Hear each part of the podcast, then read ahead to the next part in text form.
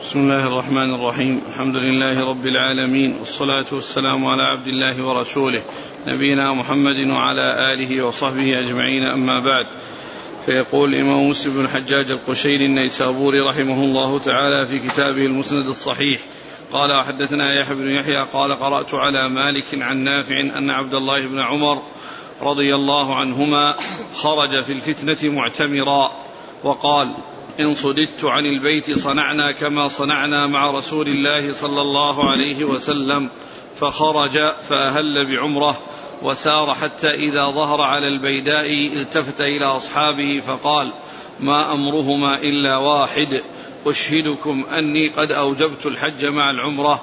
فخرج حتى إذا جاء البيت طاف به سبعا وبين الصفا والمروة سبعا لم يزد عليه. ورأى أنه مجزئ عنه وأهدى. نعم. قال وحدثنا محمد بن المثنى قال حدثنا يحيى وهو القطان عن عبيد الله قال حدثني نافع أن عبد الله بن عبد الله وسالم بن عبد الله كلما كلما عبد الله حين نزل الحجاج لقتال ابن الزبير قال لا يضرك ألا تحج العام. فإنا نخشى أن يكون بين الناس قتال يحال بينك وبين البيت. قال فإن أحيل بيني وبينه فعلت كما فعل رسول الله صلى الله عليه وسلم وأنا معه حين حالت كفار قريش بينه وبين البيت. أشهدكم أني قد أوجبت عمرة فانطلق حتى أتى ذا الحليفة فلبى بالعمرة ثم قال إن خلي سبيلي قضيت عمرتي وإن حيل بيني وبينه فعلت كما فعل رسول الله صلى الله عليه وسلم وأنا معه. ثم تلا لقد كان لكم في رسول الله أسوة حسنة. ثم سار حتى إذا كان بظهر البيداء قال ما أمرهما إلا واحد إن حيل بيني وبين العمرة حيل بيني وبين الحج. أشهدكم أني قد أوجبت حجة مع عمرة. فانطلق. حتى ابتاع بقديد هديا ثم طاف لهما طوافا واحدا بالبيت وبين الصفا والمروة ثم لم يحل منهما حتى حل منهما بحجة يوم النحر. قال وحدثناه ابن نمير قال حدثنا أبي قال حدثنا عبيد الله عن نافع أنه قال أراد ابن عمر الحج حين نزل الحجاج بابن الزبير واقتص الحديث بمثل هذه القصة وقال في آخر الحديث وكان يقول من جمع بين الحج والعمرة كفاه طواف واحد ولم يحل حتى يحل منهما جميعا. قال وحدثنا محمد بن رمح قال أخبرنا الليث حاء قال وحدثنا قتيبة واللفظ له قال حدثنا ليث عن نافع أن ابن عمر رضي الله عنهما أراد الحج عام نزل الحجاج بابن الزبير فقيل له إن الناس كائن بينهم قتال وإنا نخاف أن يصدوك. فقال لقد كان لكم في رسول الله أسوة حسنة أصنع كما صنع رسول الله صلى الله عليه وسلم. إني أشهدكم أني قد أوجبت عمرة ثم خرج حتى إذا كان بظاهر البيداء. قال ما شأن الحج والعمرة إلا واحد اشهدوا قال ابن رمح أشهدكم أني قد أوجبت حجا مع عمرتي وأهدى هديا اشتراه بقديد ثم انطلق يهل بهما جميعا حتى قدم مكة فطاف بالبيت وبالصفا والمروة ولم يزد على ذلك ولم ينحر ولم يحلق ولم يقصر ولم يحلل من شيء حرو منه حتى كان يوم النحر فنحر وحلق ورأى أن قد قضى طواف الحج والعمرة بطوافه الأول. وقال ابن عمر كذلك فعل رسول الله صلى الله عليه وسلم. قال حدثنا أبو الربيع الزهراني وأبو كامل قال حدثنا حماد حاء قال وحدثنا زهير بن حرب قال حدثني إسماعيل كلاهما عن أيوب عن نافع عن ابن عمر بهذه القصة ولم يذكر النبي صلى الله عليه وسلم إلا في أول الحديث حين قيل له يصدوك عن البيت. قال إذا أفعل كما فعل رسول الله صلى الله عليه وسلم. ولم يذكر في آخر الحديث هكذا فعل رسول الله صلى الله عليه وسلم كما ذكره الليث. بسم الله الرحمن الرحيم. الحمد لله رب العالمين. وصلى الله وسلم وبارك على عبده ورسوله نبينا محمد وعلى آله وأصحابه أجمعين. ما بعد فهذه الأحاديث تتعلق بالإحصار وأن الإنسان إذا دخل في العمرة أو الحج يستمر فيهما حتى النهاية ولا يترك ذلك إلا إن منع واحصر فعند ذلك يعني يتحلل ويفعل الشيء الذي آه، يعني جاء ذكره في القرآن والسنة وهو أنه يتحلل ويذبح يعني هديا كما في قوله وآتم الحج والعمرة لله فإن أحصرتم فما استيسر من الهدي. فإن أحصرتم فما استيسر من الهدي وهنا ذكر هذه الأحاديث عن ابن عمر رضي الله تعالى عنهما وأنه كان في السنة التي يعني نزل الحجاج يعني على ابن الزبير في مكة وقالوا أو عرض عليه أبناؤه وقالوا لو أنك تأخرت هذه السنة وتركت الحج لأن يخشى أن يكون هناك قتال وأن يعني هناك يعني صد عن عن البيت. فقال رضي الله عنه يعني أنه عازم على الذهاب وأنه إن صد فإنه يفعل كما فعل أو كما فعلوا مع رسول الله عليه الصلاة والسلام في عمرة في عمرة الحديبية. فإن الرسول صلى الله عليه وسلم صد عن البيت ونحر الهدي الذي كان معه ورجع صلوات الله وسلامه وحلق رأسه ورجع صلوات الله وسلامه وبركاته عليه. وهو يقول إن حصل أنني منعت فأنا أفعل كما فعل رسول الله صلى الله عليه وسلم في عمرة الحديبية. كما فعل الرسول عليه الصلاة والسلام في عمرة الحديبية. وقال يعني وذكر في هذه الأحاديث أنه يعني دخل في العمرة وأنه أوجب عمرة وأنه بعد ذلك وبعد مضى في الطريق قال ما شأنهما إلا واحد. لأن الرد الصد لرسول الله صلى الله عليه وسلم كان في عمرة وأنه جاء الحكم في العمرة. يعني الذي هو يعني كون الإنسان يصد فإنه يعني حصل ذلك في العمرة قال ما شأنهما إلا واحد. يعني الذي يحصل في العمرة يحصل في الحج والذي يفعل في العمرة يعني عندما يحصل الإحصار يعني يكون في الحج. ثم إنه دخل أدخل الحج على العمرة. وصار وصار قارنا أدخل الحج على العمرة وصار قارنا واشترى هديا من قديد وذهب ولما يعني دخل مكة يعني طاف وسعى طاف طاف القدوم وسعى بين الصفا والمروة وبقي على إحرامه حتى جاء يوم النحر الذي آه الذي تحلل فيه بعد الرمي والحلق تحلل فيه من تحلل التحلل الأول ونحر هديه حيث بلغ الهدي بلغ الهدي محله. أعد الحديث الأول. خرج رضي الله عنه في الفتنة معتمرا وقال إن صددت عن البيت صنعنا كما صنع مع رسول الله صلى الله عليه وسلم فأهل بعمرة حتى إذا ظهر على البيداء التفت إلى أصحابه فقال ما أمرهما إلا واحد أشهدكم أني قد أوجبت الحج مع العمرة. يعني أمر أمر الحج وأمر العمرة واحد. والإحصار الذي ثبت في العمرة في عمرة الحديبية يعني يكون في الحج إذا حصل إحصار. يعني فشأن الحج والعمرة واحد لا فرق بينهما. فالإحصار كما يكون في العمرة وقد حصل ذلك للرسول عليه الصلاة والسلام يكون في الحج والطريقة واحدة. يعني كون الإنسان إذا أحصر فإنه يعني يذبح الهدي ويتحلل. ما شأنهما؟ إلا واحد. نعم. بعد. تابع ما شأنهما إلا واحد. قال قد أوجبت الحج مع العمرة فخرج حتى إذا جاء البيت طاف به سبعا وبين الصفا والمروة سبعا لم يزد عليه ورأى أنه مجزئ عنه وأهدى.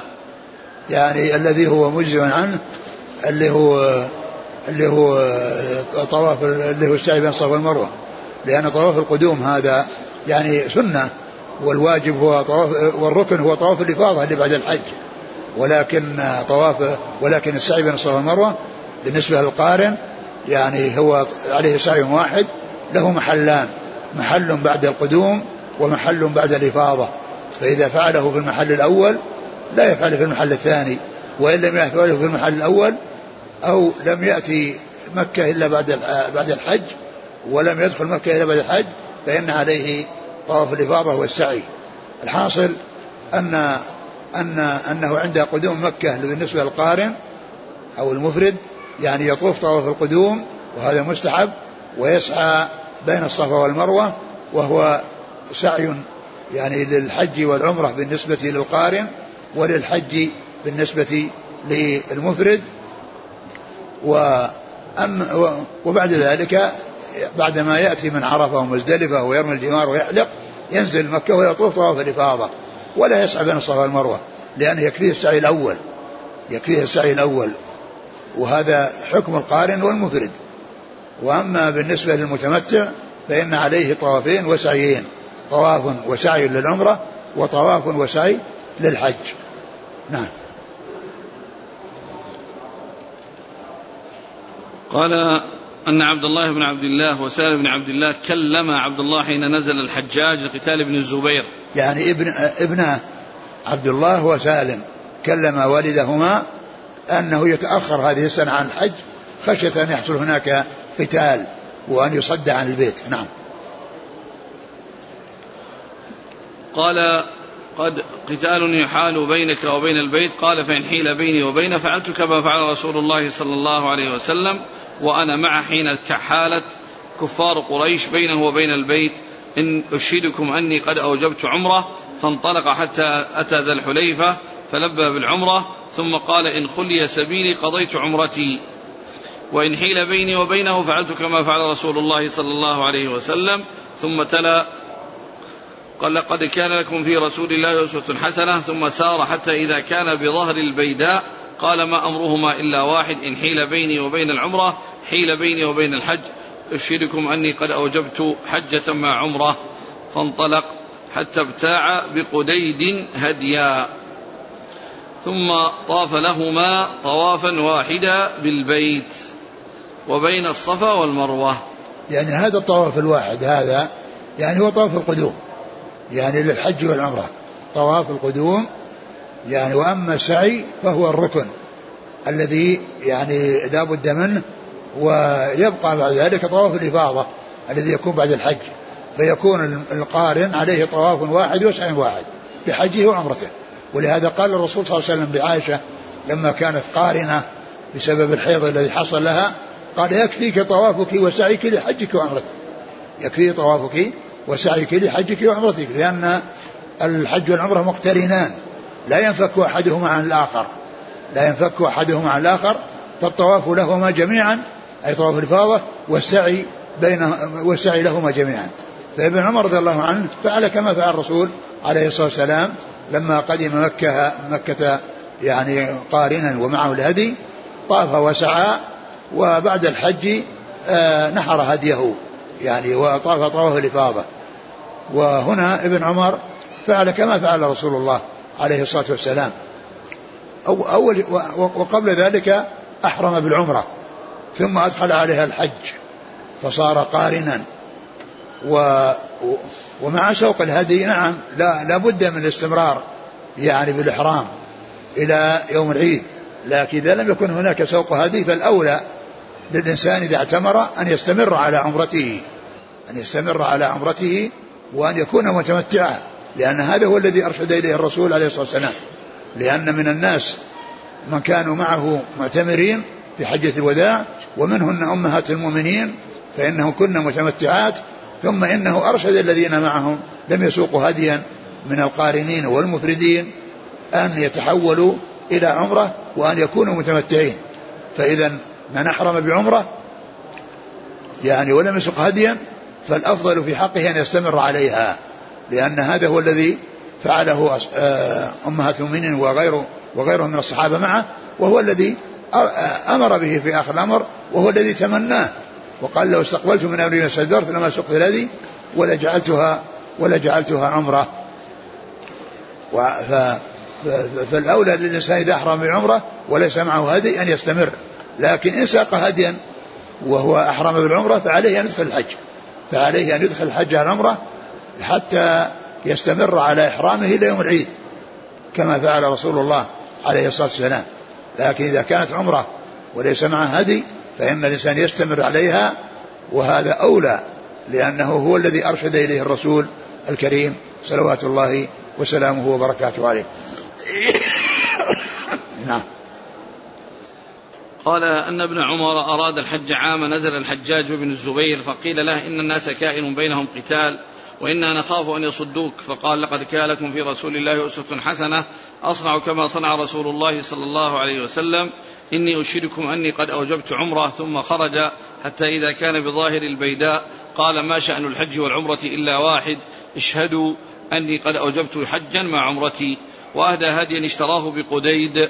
ثم انطلق يهل بهما جميعا حتى قدم مكة فطاف بالبيت وبالصفا والمروة ولم يزد على ذلك. ولم ينحر ولم يحلق ولم يقصر ولم يحلل من شيء حرم منه حتى كان يوم النحر.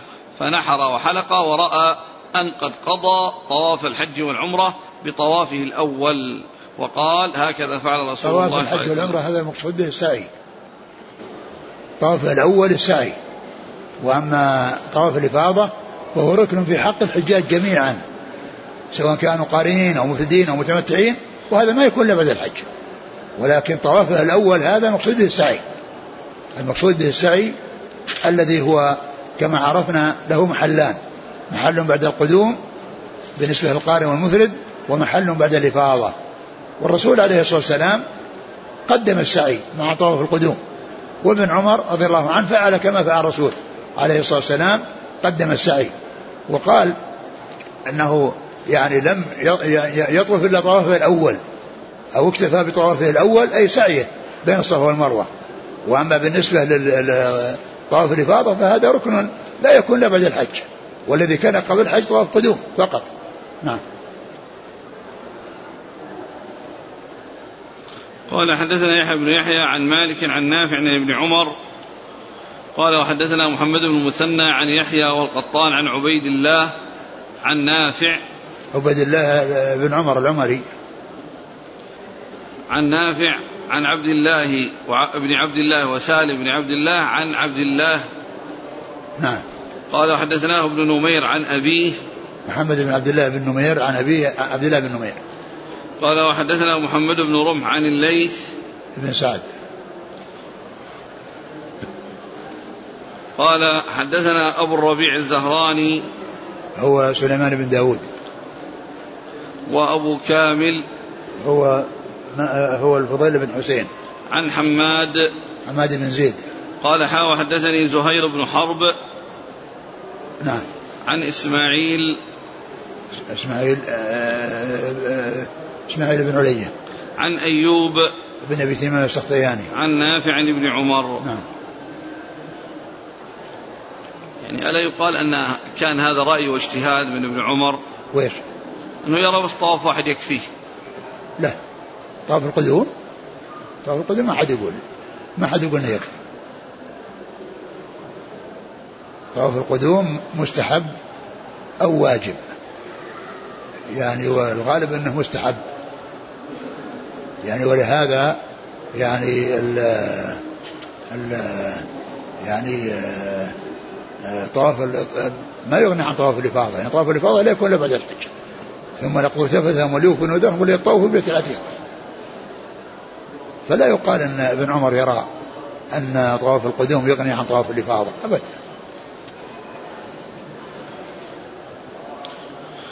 قال رحمه الله تعالى حدثنا يحيى بن أيوب وعبد الله بن عون الهلالي. قال حدثنا عباد بن عباد المهلبي. قال حدثنا عبيد الله بن عمر عن نافع عن ابن عمر في رواية يحيى قال أهللنا مع رسول الله صلى الله عليه وسلم بالحج مفردا. وفي رواية ابن عون أن رسول الله صلى الله عليه وسلم أهل بالحج مفردا. ثم ذكر يعني هذه الأحاديث وأنهم أهلوا بالحج مع رسول الله مفردا يعني مفردين الحج وأن الرسول صلى الله عليه وسلم أهل بالحج مفردا. معلوم أن الرسول أهل بالحج والعمرة وقرن بينهما وحقق ما أمر به في الحديث في قوله أتاني الليلة آت وقال يعني صلي في هذا الوادي المبارك وقل عمرة, وقل عمرة في حجة. فالرسول صلى الله عليه وسلم كان قارنا بين الحج والعمرة وليس مفردا. ولكن يعني يعني قيل أن معنى ذلك أنه يعني آه ظهر منه يعني آه أو سمع منه لفظ الحج دون أن يتلفظ معها العمرة. ف يعني من روى ذلك يعني ذكر ما سمعه ذكر ما سمعه أو أن الرسول حصل منه البدء بالحج ثم يعني أضاف إليه العمرة ثم أضاف إليه العمرة نعم. وإلا فإنه كان قارنا وليس مفردا عليه الصلاة والسلام. قال حدثنا يحيى بن أيوب وعبد الله بن عون الهلالي عن عباد بن عباد المهلبي عن عبيد الله بن عمر عن نافع عن ابن عمر. قال وحدثنا سريج بن يونس قال حدثنا هشيم قال حدثنا حميد عن بكر عن أنس رضي الله عنه أنه قال سمعت النبي صلى الله عليه وسلم يلبي بالحج والعمرة جميعا. قال بكر فحدثت بذلك ابن عمر فقال لبى بالحج وحده فلقيت انسا فحدثته بقول ابن عمر فقال أنس ما تعدوننا إلا صبيانا. سمعت رسول الله صلى الله عليه وسلم يقول لبيك عمرة وحجا. وهذا فيه يعني حكاية آه، الصحابي الأول من هو؟ الأول؟ الأول ابن عمر. ها؟ ابن عمر. إيش قال؟ عن أنس قال سمعت أنس نعم. لا الأول الأول حديث. عن أنس قال سمعت النبي صلى الله عليه وسلم يلبي بالحج والعمرة جميعا. قال نعم. بكر فحدثت بذلك ابن عمر فقال نعم. لبى بالحج وحده. نعم يعني ابن أنس, أنس رضي الله عنه يعني يقول إنه لبى بالحج والعمرة جميعا وابن عمر قال لبى بالحج. يعني معنى ذلك إنه كما ذكره بعض العلم في التوفيق يعني بأن ما جاء من أنه أفرد أنه سمع من الحج دون العمرة أو أنه أتى بالحج أولا ثم عليه العمرة. ومن ذكر الحج والعمرة يعني مع بعض فهذا هو اللي تكاثرت فيه الأحاديث وتعددت عنه عليه الصلاة والسلام بأنه بأنه بأنه كان قارنا. نعم. و فإذا هذا هو الذي يمكن أن يحمل عليه كلام عمر. هو ما هو ما ذكر من أنه سمع يعني الإحرام بالحج الذي كان اولا ثم أضيف إليه الثاني. نعم. قال حدثنا سريج بن يونس عن هشيم بن بشير الواسطي. عن حميد ابن أبي حميد الطويل. عن بكر بكر بن عبد الله المزني. عن أنس. نعم. قال حدثني أمية بن بسطام العيشي قال حدثنا يزيد يعني بن زريع قال حدثنا حبيب بن الشهيد عن بكر بن عبد الله قال حدثنا أنس رضي الله عنه أن أنه رأى النبي صلى الله عليه وسلم جمع بينهما بين الحج والعمرة. قال فسألت ابن عمر فقال أهللنا بالحج؟ فرجعت إلى أنس فأخبرته ما قال ابن عمر فقال كأنما كنا صبيانا. نعم. قال حدثني أمية بن بسطام العيشي عن يزيد يعني بن الزريع عن حبيب بن الشهيد عن بكر بن عبد الله عن أنس. نعم.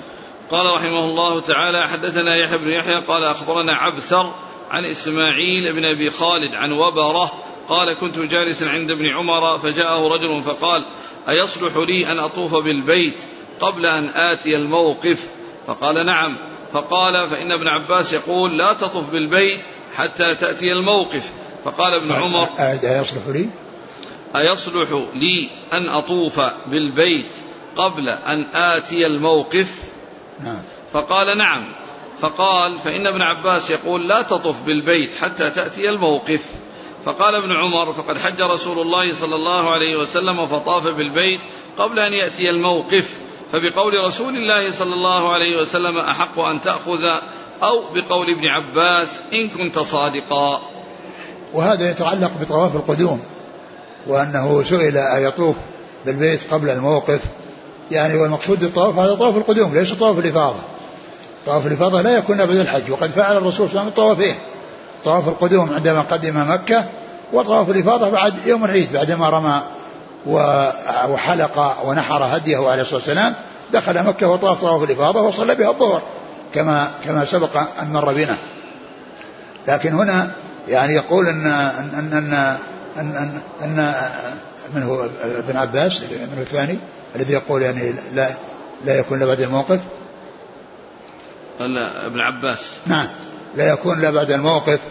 يعني ان يعني ان, أن, أن لا يكون الطواف إلا بعد الموقف.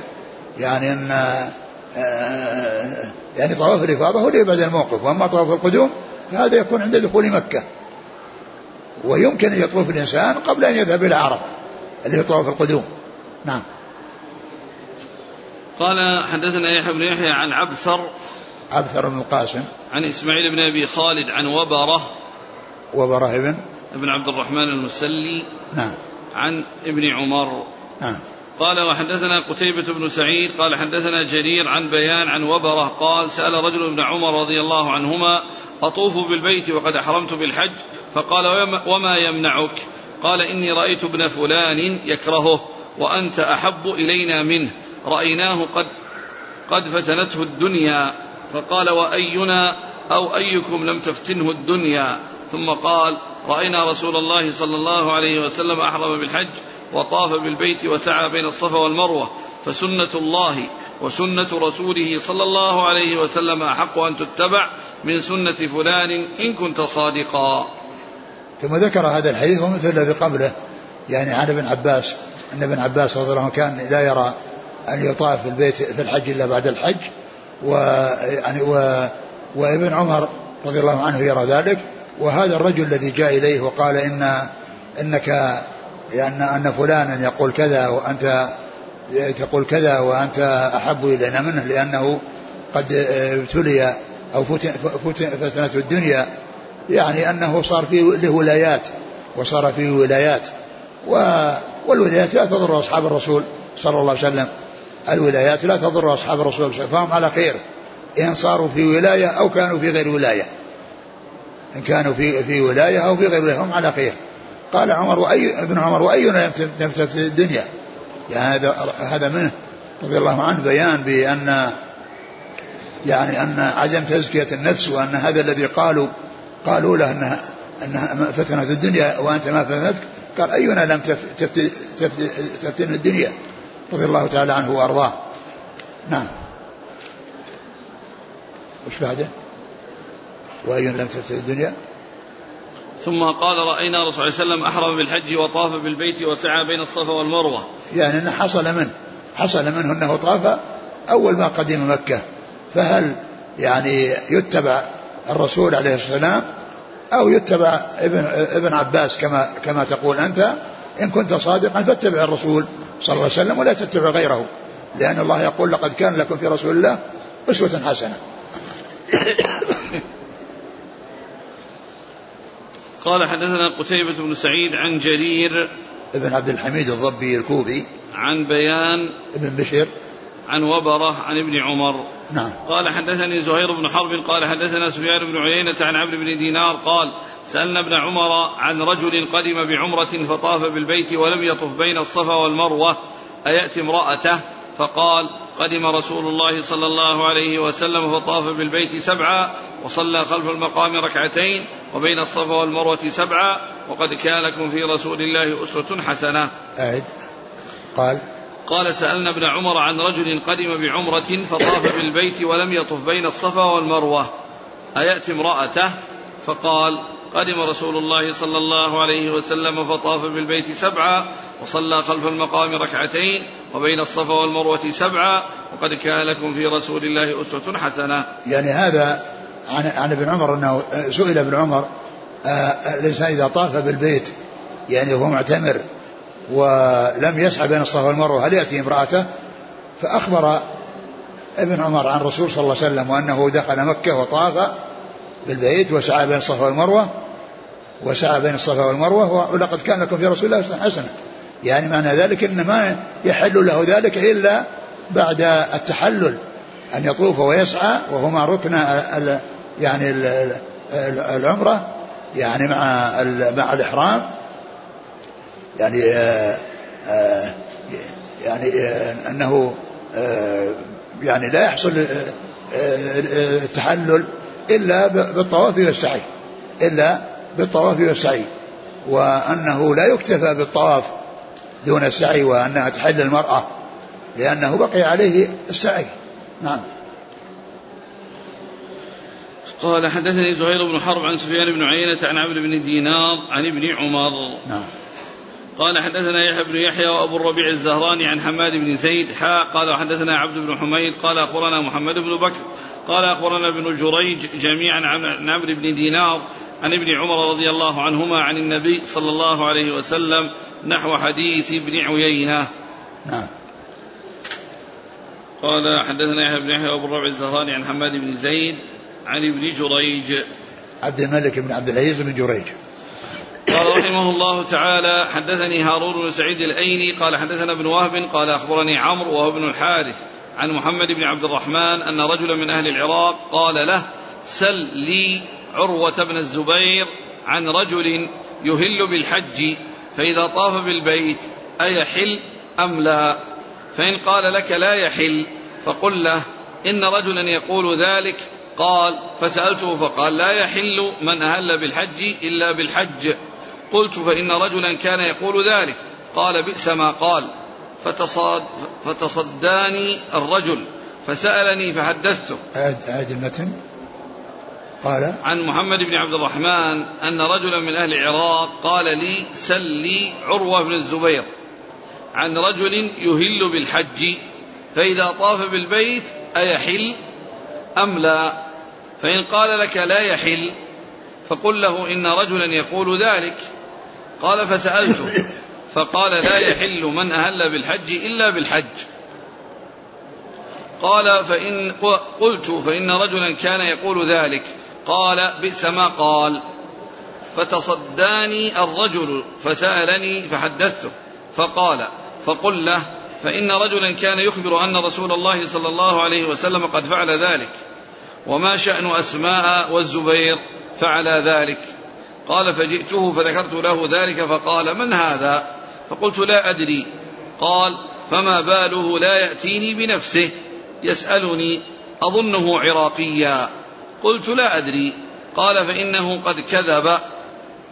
قد حج رسول الله صلى الله عليه وسلم. فأخبرتني عائشة رضي الله عنها أن أول شيء بدأ به حين قدم مكة أنه توضأ ثم طاف بالبيت. ثم حج أبو بكر رضي الله عنه. فكان أول شيء بدأ به الطواف بالبيت ثم لم يكن غيره ثم عمر مثل ذلك ثم حج عثمان. فرأيته أول شيء بدأ به الطواف بالبيت ثم لم يكن غيره ثم معاوية وعبد الله بن عمر ثم حججت مع أبي الزبير بن العوام. فكان أول شيء بدأ به الطواف بالبيت ثم لم يكن غيره ثم رأيت المهاجرين والأنصار يفعلون ذلك ثم لم يكن غيره ثم آخر من, من رأيت فعل ذلك ابن عمر. ثم لم ثم لم ينقضها بعمرة. وهذا ابن عمر عندهم. أفلا يسألونه؟ ولا أحد ممن مضى. ما كانوا يبدأون بشيء حين يضعون أقدامه أول من الطواف بالبيت. ثم لا يحلون. وقد رأيت أمي وخالتي حين تقدمان لا تبدأان بشيء أول من البيت تطوفان به. ثم لا تحلان وقد أخبرتني أمي أنها أقبلت هي وأختها والزبير وفلان وفلان بعمرة. قط فلما مسحوا الركن حلوا. وقد كذب فيما ذكر من ذلك. ثم ذكر هذا الحديث هذا هذه القصة الطويلة يعني عن الرجل الذي يعني آه، أوصى عروة ابن الزبير أن يسأل عبد الله بن عمر عن الرجل عن, عن الإنسان يطوف بالبيت. آه، عن محمد بن عبد الرحمن آه، أن نعم. رجلا من نعم. العراق قال لي سل عروة. محمد بن عبد الرحمن بن نوفل اللي هو يتيم عروة قال سألت. أن رجلا من أهل العراق قال له آه. سل لي نعم. عروة. يعني يطلب من محمد بن عبد الرحمن بن نوفل يتيم عروة أن يسأل عروة. قال عن رجل يهل بالحج فإذا طاف بالبيت أيحل أم لا؟ فإن قال لك لا يحل فقل له إن رجلا يقول ذلك. قال فسألته فقال لا يحل من أهل بالحج إلا بالحج. قلت فإن من أهل بالحج عليه أن يستمر فيه حتى حتى حتى حتى ينتهي. يعني حتى حتى ينتهي يعني من من من منه بعد يعني بعد عرفة ومزدلفة يعني بحيث يعني يرمي الجمار ويحلق رأسه وعند ذلك يحصل التحلل. قال سألته قال لي سل لي عروز بن الزبير نعم. عن رجل يهل بالحج فإذا طاف بالبيت أيحل أم لا؟ فإن قال لك لا يحل فقل له إن رجلا يقول ذلك.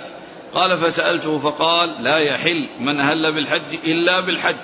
قلت فإن رجلا كان يقول ذلك. قال بئس ما قال. فتصد فتصداني الرجل فسألني فحدثته فقال فقل له فإن رجلا كان يخبر أن الرسول صلى الله عليه وسلم قد فعل ذلك. وما شأن أسماء والزبير؟ فعل ذلك. قال فجئته فذكرت له ذلك فقال من هذا؟ فقلت لا أدري. قال فما باله؟ لا يأتيني بنفسه يسألني أظنه عراقيا. قلت لا أدري. قال فإنه قد كذب. قد حج رسول الله صلى الله عليه وسلم فأخبرتني عائشة رضي الله عنها أن أول شيء بدأ به حين قدم مكة أنه توضأ ثم طاف بالبيت ثم حج أبو بكر فكان أول شيء بدأ به الطواف بالبيت ثم لم يكن غيره ثم عمر مثل ذلك ثم حج عثمان فرأيته أول شيء يعني هذا كله يتعلق بأن الحاج يعني سواء كان قارنا أو مفردا إذا قدم مكة يطوف طواف القدوم. يطوف طواف القدوم وله أن يسعى بين الصفا والمروة أو يؤخر السعي إلى إلى ما بعد الحج. ومعنى ذلك أن أن أن دخول البيت يعني يكون قبل الحج وقبل الذهاب إلى عرفة. وأن الإنسان إذا قدم مكة إن كان معتمرا يطوف طواف العمرة وليس لها قدوم. وإن كان حاج قارنا مفردا فإنه يطوف فإنه يطوف طواف القدوم. يطوف طواف القدوم وله أن يسعى بعد طواف القدوم وله أن يؤخر السعي إلى ما بعد طواف القدوم. وسبق أن مر بنا يعني الكلام الذي نسب إلى ابن عباس أو الذي ابن عباس أنه يعني قال أنه يعني أنه لا يطوف يعني إذا إذا قدم. نعم. إيش بعدين؟ كان لا يطوف؟ إيه الكلام الأول اللي مر بنا اللي اللي, اللي آه، نسب إلى ابن عباس الحديث اللي راح. ابن عمر اللي كان ها؟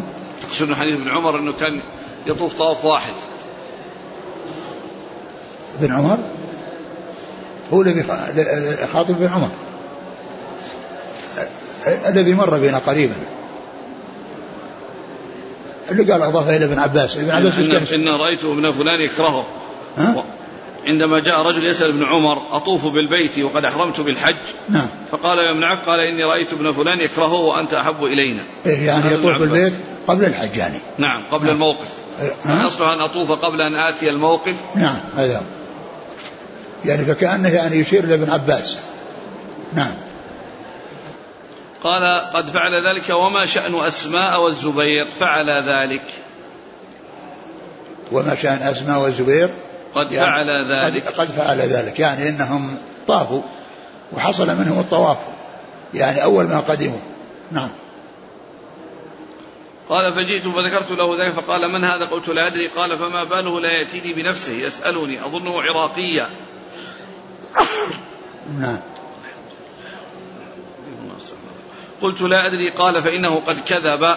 قد حج رسول الله صلى الله عليه وسلم فأخبرتني عائشة أول أن أول شيء بدأ به حين قدم مكة أنه توضأ ثم طاف بالبيت ثم حج أبو بكر فكان أول شيء بدأ به الطواف بالبيت ثم لم يكن غيره ثم عمر مثل ذلك ثم حج عثمان فرأيت أول شيء بدأ به الطواف بالبيت ثم لم يكن غيره. ثم معاوية وعبد الله بن عمر ثم حججت مع أبي الزبير بن العوام فكان أول شيء بدأ به الطواف بالبيت ثم لم يكن غيره ثم رأيت المهاجرين والأنصار يفعلون ذلك ثم لم يكن غيره ثم آخر من رأيت فعل ذلك ابن عمر ثم لم ينقضها بعمرة وهذا ابن عمر عندهم. أفلا يسألونه؟ ولا أحد ممن مضى. ما كانوا يبدأون بشيء حين يضعون أقدامهم أول من الطواف بالبيت؟ ثم لا يحلون. قد رأيت أمي وخالتي حين تقدمان لا تبدأان بشيء أول من البيت تطوفان به ثم لا تحلان. وقد أخبرتني أمي أنها أقبلت هي وأختها والزبير وفلان وفلان بعمرة قط. فلما مسحوا الركن حلوا وقد كذب فيما ذكر من ذلك.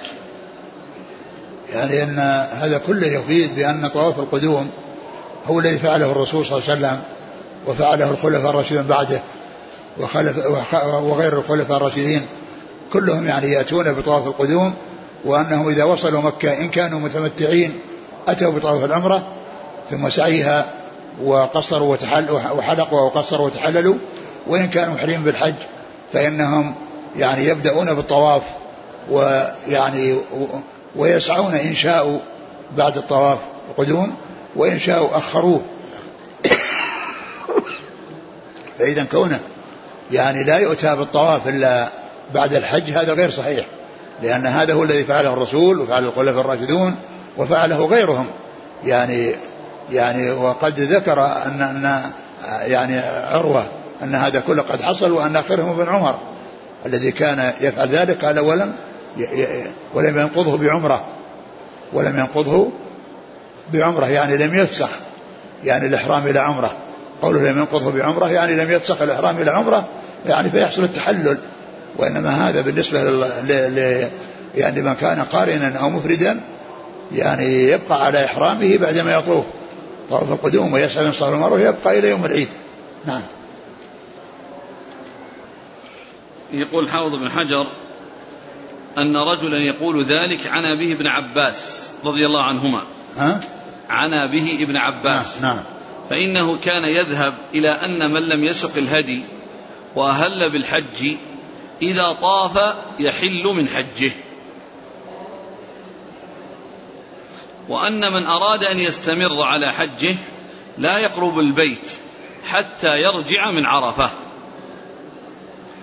وكان يأخذ ذلك يعني, يعني معناه أنه لا يطوف طواف القدوم عند ابن عباس. وأنه لا يقرب البيت حتى يأتي من عرفة. لكن الذي ليس معه هدي ابن عباس يرى أنه يفسخ إلى عمرة. وكان وكان يعني يقول بوجوب الفسخ إلى عمرة. وأن من أحرم بعمرة أو بحج أو أو, أو, أو قران وليس معه هدي أنه يفسخ إلى عمرة. ويكون يعني متمتعا. نعم. وش يقول ابن حجر؟ يقول آه، أن قوله أن رجلا يقول ذلك عنا به ابن عباس. نعم. فإنه كان يذهب إلى أن من لم يسق الهدي وأهل بالحج إذا طاف يحل من حجه. نعم. وأن من أراد أن يستمر على حجه لا يقرب البيت حتى يرجع من عرفة. وهذا هو الذي مر هذا الذي مر عن ابن عباس إنه يعني الطواف قبل نعم نعم لا يقل الطواف قبل الموقف. اي طواف القدوم لا يأتي به. آه. وكان يأخذ ذلك من أمر النبي صلى الله عليه وسلم لمن لم يسق الهدي من أصحابه أن يجعلوها عمرة. نعم. وقد أخرج البخاري ذلك في باب حجة الوداع في أواخر المغازي من طريق ابن جريج عن قال حدثني عطاء عن ابن عباس قال إذا طاف بالبيت فقد حل.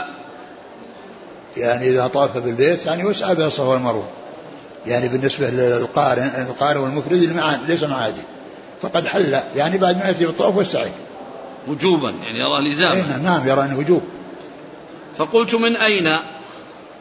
قال هذا ابن عباس قال من قوله سبحانه ثم محلها إلى البيت العتيق. ومن أمر النبي صلى الله عليه وسلم أصحابه أن يحلوا في حجة الوداع. قلت إنما كان ذلك بعد ذلك المعرف. قال كان ابن عباس بعد؟ بعد ذلك المعرف يعني بعد عرفة. آه نعم. قال كان ابن عباس يراه قبل وبعد. وأخرجه مسلم من وجه آخر عن ابن جريج بلفظ كان ابن عباس يقول لا يطوف بالبيت حاج ولا غيره إلا حل. يعني إذا لم يكن معه هدي. نعم. قلت لعطاء من أين تقول ذلك؟ فذكره. ولمسلم من طريق قتادة. قال سمعت أبا حسان الأعرج. قال قال رجل لابن عباس ما هذه الفتيا؟ أن من طاف بالبيت فقد حل. فقال سنة نبيكم صلى الله عليه وسلم وإن رغمتم. ثم ساق الحديث عن يعني وبرة بن عبد الرحمن. يعني الطواف والسعي نعم.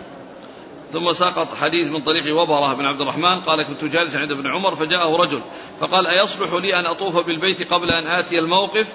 فقال نعم. فقال إن ابن عباس يقول لا تطف بالبيت حتى تأتي الموقف. فقال ابن عمر قد حج رسول الله صلى الله عليه وسلم فطاف بالبيت قبل أن يأتي الموقف. فبقول رسول الله صلى الله عليه وسلم أحق أن نأخذ أو بقول ابن عباس إن كنت صادقا. وإذا تقرر ذلك فمعنى قوله في حديث أبي الأسود قد فعل رسول الله صلى الله عليه وسلم ذلك أي أمر به. وعرف أن هذا مذهب لابن عباس خالفه فيه الجمهور. ووافقه فيه الذي هو وجوب الفصل. آه. الذي هو وجوب الفصل. نعم إلى آه، القارئ والمفرد اللي ليس مع هذه يجب عليه أن يفسخ عليهم وعلى من بعدهم. نعم. أما عليهم إيه، واضح. مستمر نعم. يعني معناه الحكم مستمر إنه ما فيه الا ما فيه إلا عمرة. إلا من يسوق الهدي يبقى على احرام وافقه فيه إناس قليل منهم إسحاق بن راهوية وعرف أن مأخذه فيه ما ذكر. وجواب الجمهور أن النبي صلى الله عليه وسلم أمر أصحابه أن يفسخوا حجهم فيجعلوه عمرة ثم اختلفوا. فذهب الأكثر إلى أن ذلك كان خاصا بهم. وذهب طائفة إلى أن ذلك جائز لمن بعدهم. واتفقوا كلهم أن من أهل بالحج مفردا لا يضره الطواف بالبيت. أن نعم. أن من أهل بالحج مفردا. آه، نعم. لا يضره الطواف بالبيت. وبذلك احتج عروة. اللي هو طواف القدوم. نعم. نعم. وبذلك احتج عروة بأن النبي صلى الله عليه وسلم بدأ بالطواف ولم يحل من حجه ولا صار عمرة. وكذا أبو بكر وعمر رضي الله عنهما. انتهى ما في الفتح. قال حدثني هارون بن سعيد الأيلي عن ابن وهب عن عمرو بن الحارث عن محمد بن عبد الرحمن عن عروة. محمد بن عبد الرحمن بن نوفل. نعم عن عروة بن الزبير. وهذا اللي يقال يقال له يتيم عروة. وهو أبو الأسود. قال حدثنا إسحاق بن إبراهيم قال أخبرنا محمد بن بكر قال أخبرنا ابن جريج حا قال حدثني زهير بن حرب واللفظ له قال حدثنا روح بن عبادة قال حدثنا ابن جريج قال حدثني منصور بن عبد الرحمن عن أمه صفية بنت شيبة عن أسماء بنت أبي بكر رضي الله عنهما قالت خرجنا محرمين فقال رسول الله صلى الله عليه وسلم من كان معه هدي فليقم على إحرامه ومن لم يكن معه هدي فليحلل. فلم يكن معي هدي فحللت. وكان مع الزبير هدي فلم يحلل. قالت فلبست ثيابي ثم خرجت فجلست إلى الزبير. فقال قومي عني فقلت أتخشى أن أثب عليك؟ نعم. قال وحدثني عباس بن عبد العظيم العنبري. قال حدثنا أبو هشام المغيرة بن سلمة المخزومي. قال حدثنا وهيب. قال حدثنا منصور بن عبد الرحمن عن أمه عن أسماء بنت أبي بكر رضي الله عنها أنها قالت قدمنا مع رسول الله صلى الله عليه وسلم مهلين بالحج ثم ذكر بمثل حديث ابن جريج غير أنه قال فقال استرخي عني استرخي عني. فقلت أتخشى أن أثب عليك؟ ثم ذكر يعني هذا الحديث يعني عن يعني عن أسماء. عن أسماء بنت أبي بكر رضي الله تعالى رضي الله تعالى عنهما. قالت خرجنا محرمين مع الرسول صلى الله عليه وسلم فقال نعم خرجوا محرمين. خرجوا محرمين مع الرسول صلى الله عليه وسلم ومنهم من كان محرما بحج ومنهم من كان محرم بقران ومنهم من كان محرما بعمرة والذين أحرموا بقران أو افراد وليس معهم هدي أمرهم الرسول عليه السلام وأرشدهم إلى أن أنهم يتحولوا إلى إلى عمرة. وكانت أسماء ليس معها هدي فتحولت إلى عمرة وتحللت لما طافت بالبيت وسعت وقصرت وأما الزبير زوجها فكان معه هدي فبقي على إحرامه. فلما طافت وسعت وقصرت يعني جاءت عنده وجلست عنده فقال يعني قالت استرخي عني اللفظ الثاني. إيه، استرخي عني استرخي عني. ها؟ نعم اللفظ الثاني. استرخي عني والأول الأول؟ قومي عني. نعم. يعني قومي استرخي يعني تباعدي. استرخي عني يعني تباعدي عني. قالت هل تخشى أن أثيب عليك؟ يعني معناه أن أنه أراد أن تبتعد عنه. يعني حتى لا يحصل منه يعني شيء. يعني وهو محرم. يعني مما يعني يكون في شيء من الاستمتاع. نعم.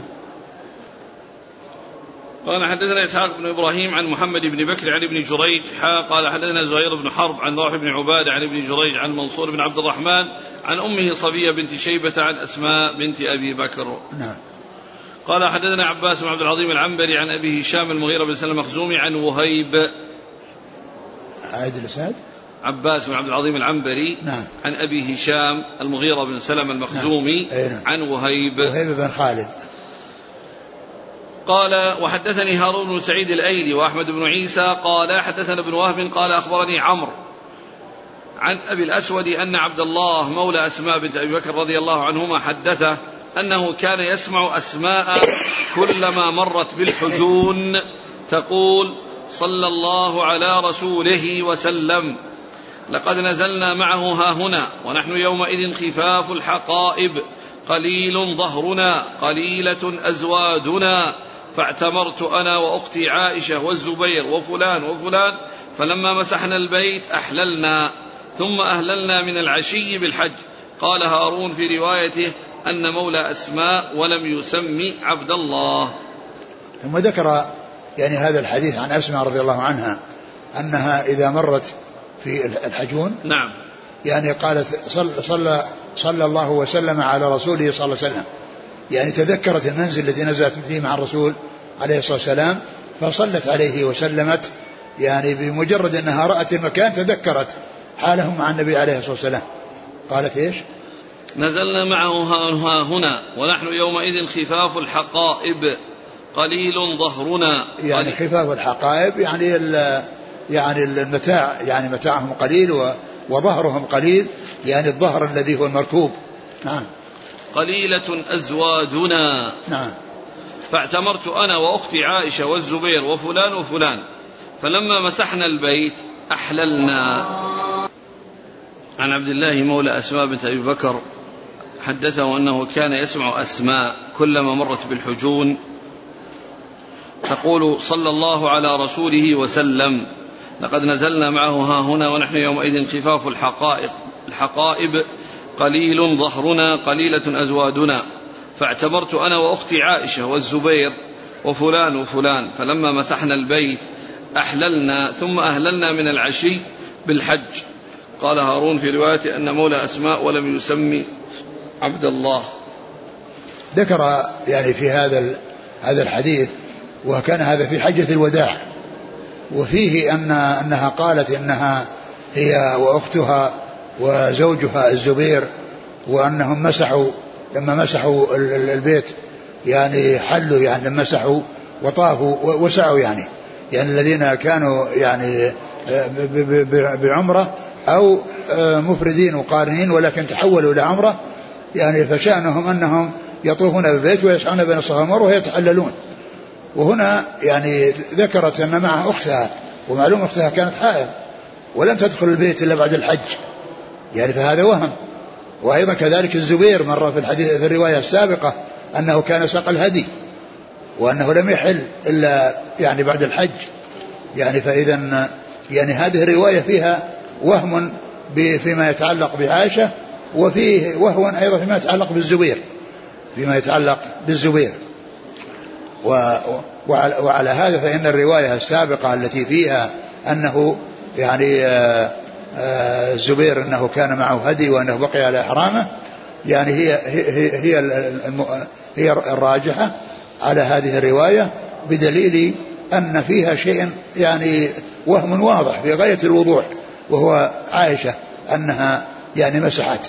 فعائشة ما دخلت ما دخلت المسجد إلا بعد الحج لأنها كانت حائض وخرج الناس للحج وهي لم تطف فلم تدخل. نعم. قال حدثني هارون بن سعيد الأيلي وأحمد بن عيسى عن ابن وهب عن عمرو عن عمرو بن الحارث, الحارث نعم. عن أبي الأسود. أبو الأسود هو محمد بن عبد الرحمن اللي راح عن نعم. عن عبد الله مولى أسماء بنت أبي بكر. نعم. عن أسماء. نعم. قال رحمه الله تعالى حدثنا محمد بن حاتم قال حدثنا روح بن عبادة قال حدثنا شعبة عن مسلم القري.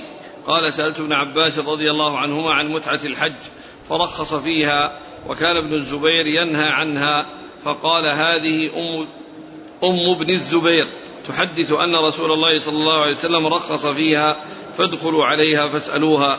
قال فدخلنا عليها فإذا امرأة ضخمة عمياء فقالت قد رخص رسول الله صلى الله عليه وسلم فيها. وهذا يتعلق بالمتعة وأن الرسول عليه السلام يعني أرشد يعني آه، أولا حج معه نساء معتمرات متمتعات. وأيضا يعني أمر كل من لم يكن معه هدي أن من القارين المفردين أن يفسخ حرامه إلى عمرة.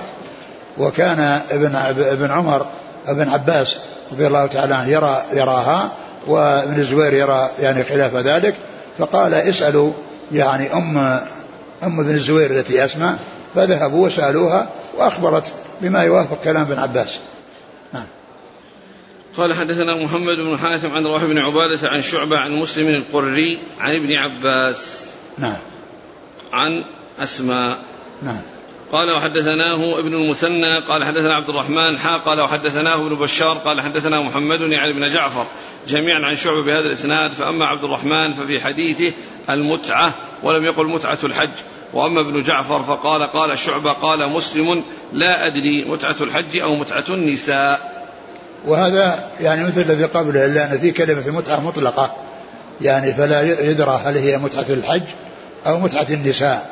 ومعلوم أن متعة الحج يعني ثبتت يعني ومتعة النساء كانت لأصحاب الرسول عليه الصلاة والسلام خاصة.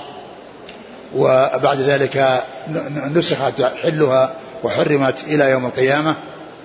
وأما متعة متعة الحج فسبق أن مر بنا أنها قالوا أنها لأصحاب الرسول خاصة وقد عرفنا أن الذي لهم خاصة هو إلزامهم بالفسخ وأما غيرهم فلهم أن أن يأتوا بال يعني يأتوا بالحج والعمرة يعني قرانا أو إفرادا وأن يبقوا على وأن, وأن, وأن يبقوا على إحرامهم أو يفسخوا إلى إلى العمرة وأن يكونوا متمتعين. وإنما الذي اختص به أصحاب الرسول هو إلزامهم بالتحلل. نعم.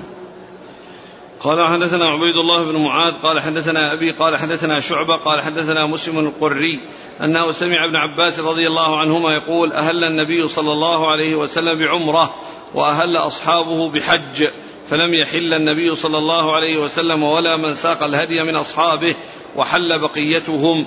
فكان طلحة بن عبيد الله في من ساق الهدي فلم يحل. هنا قال أهل بعمرة الرسول صلى الله عليه وسلم.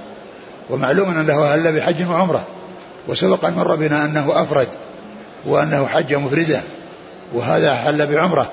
فيمكن أن يقال أن كما ذكر في ما يسأل بالحق أنه سمعه ذكر الحج ولم يسمع العمرة أو أنه هنا سمع العمرة ولم يسمع الحج. يعني والرسول لبى بهما جميعا. أو أنه بدأ بأحدهما وألحق الآخر فيكون يعني هذا سمع يعني هذا اللفظ وسمع هذا اللفظ. ولكن النتيجة أن الرسول صلى الله عليه وسلم كان قارنا وهو الذي تضافرت عليه الأدلة. فإذا ما جاء ذكر العمرة في حق الرسول أنه سمع لفظ التلبية بالعمرة ولم يسمع أو أنه أتى بالعمرة ثم أدخل عليه الحج أو الحج وأدخل عليه العمرة. نعم. قال وحدثناه محمد بن بشار قال حدثنا محمد يعني بن جعفر قال حدثني حدثنا شعبة بهذا الإسناد غير أنه قال وكان ممن لم يكن معه الهدي طلحة بن عبيد الله ورجل آخر فأحلا وذاك اللي راح شو؟ في من ساق الهدي كان طلحة نعم. في من ساق الهدي فلم يحل نعم. وهنا لم يكن معه هدي إيه نعم. طلحة بن عبيد الله ورجل فأحلا إيه نعم يعني هذا فيه يعني يعني تعارض يعني بالنسبة لطلحة يعني هل كان معه هدي أو ليس معه هدي؟ الذي معه هدي يحل والذي ليس معه هدي يبقى على إحرامه.